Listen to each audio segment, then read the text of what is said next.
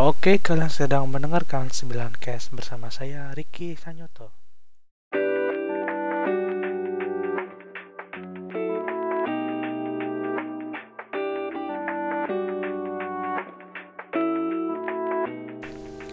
Ya, kalian sedang mendengarkan 9 Cast untuk podcast episode ketiga dari 9 Cast.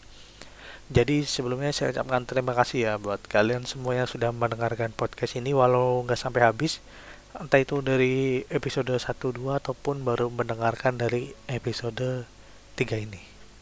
Saya saya ucapkan terima kasih dan nantinya mungkin uh, untuk podcast episode 3 ini durasinya saya kurangi ya karena untuk podcast yang terlalu panjang mungkin uh, lebih malas untuk didengarkan. Jadi gitu uh, untuk podcast kali ini podcast episode ketiga uh, saya tag pada awal bulan Februari tanggal 1 hari Senin ya pukul 11 malam. Uh, sebenarnya saya juga masih bingung untuk bahas apa untuk podcast ini.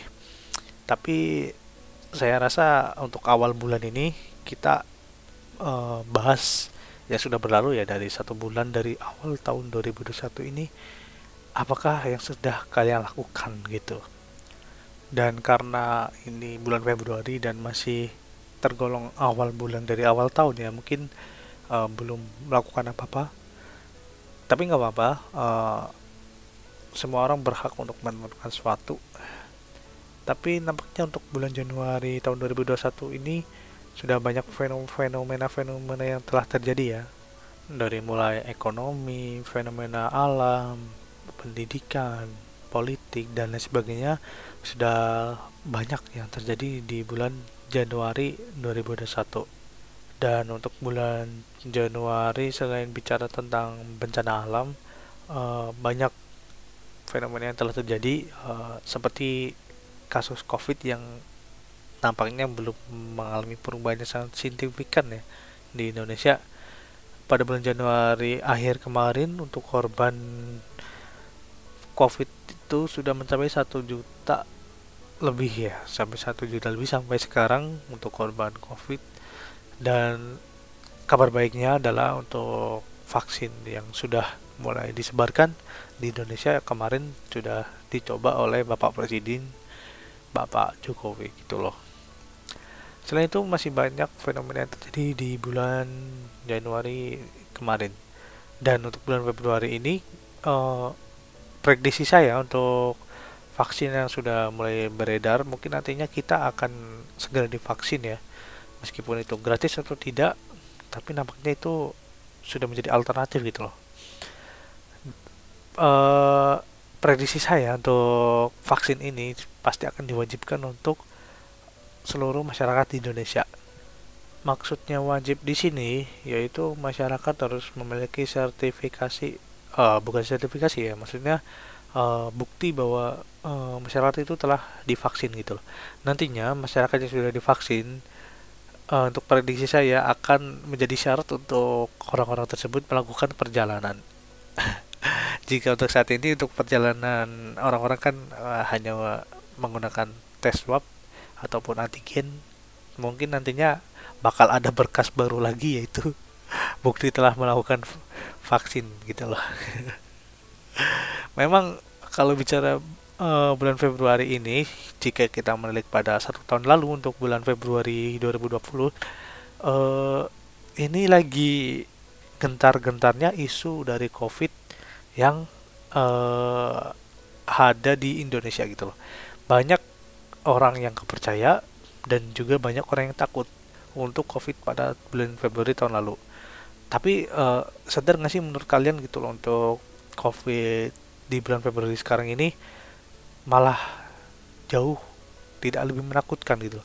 Benar nggak? Jadi banyak masyarakat itu yang udah jenuh masalahnya tentang kebijakan pemerintah, yaitu PSBB, new normal, PPKM dan lain sebagainya. Jadi masyarakat sudah apa ya mengeluh yang tadinya keluar-keluar untuk di rumah aja pasti sekarang udah pergi keluar gitu loh karena ya mereka udah nggak takut gitu loh ada yang kena corona ya udah gitu. Tapi untuk dampak negatifnya adalah banyak e, masyarakat yang tidak takut tapi tanpa disadari itu covid malah semakin dekat gitu loh. Kalian mungkin tidak merasakannya tapi banyak orang yang telah merasakannya yang kalian tidak tahu mungkin jika kalian belum merasakannya kalian tidak akan tahu. Ya enggak bayangin itu loh. Oh, untuk korban saat ini berjumlah satu juta jiwa.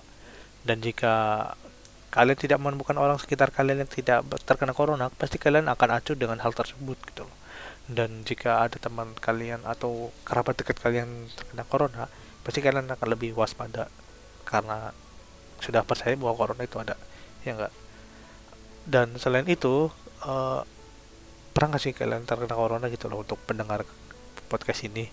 Kalau ada mungkin bisa cerita ya untuk pengalaman kalian gitu. Kalau nggak ada ya udah nggak ada yang mendengarkan maksudnya.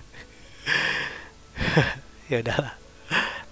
Terus untuk bicara corona ya untuk saat ini atau yang telah kalian lakukan di bulan Januari kemarin dan atau yang akan kalian lakukan esok pada bulan ini bulan Februari gitu loh tentang uh, bahaya corona. Jadi apa yang akan kalian lakukan di kala pandemi ini untuk terhindar dari corona apakah kalian waspada siaga dari adanya covid ataupun kalian biasa aja dengan adanya covid ataupun kalian malah nggak percaya dengan adanya covid? Uh, jadi gini untuk ketiga tipe ini itu beda-beda ya.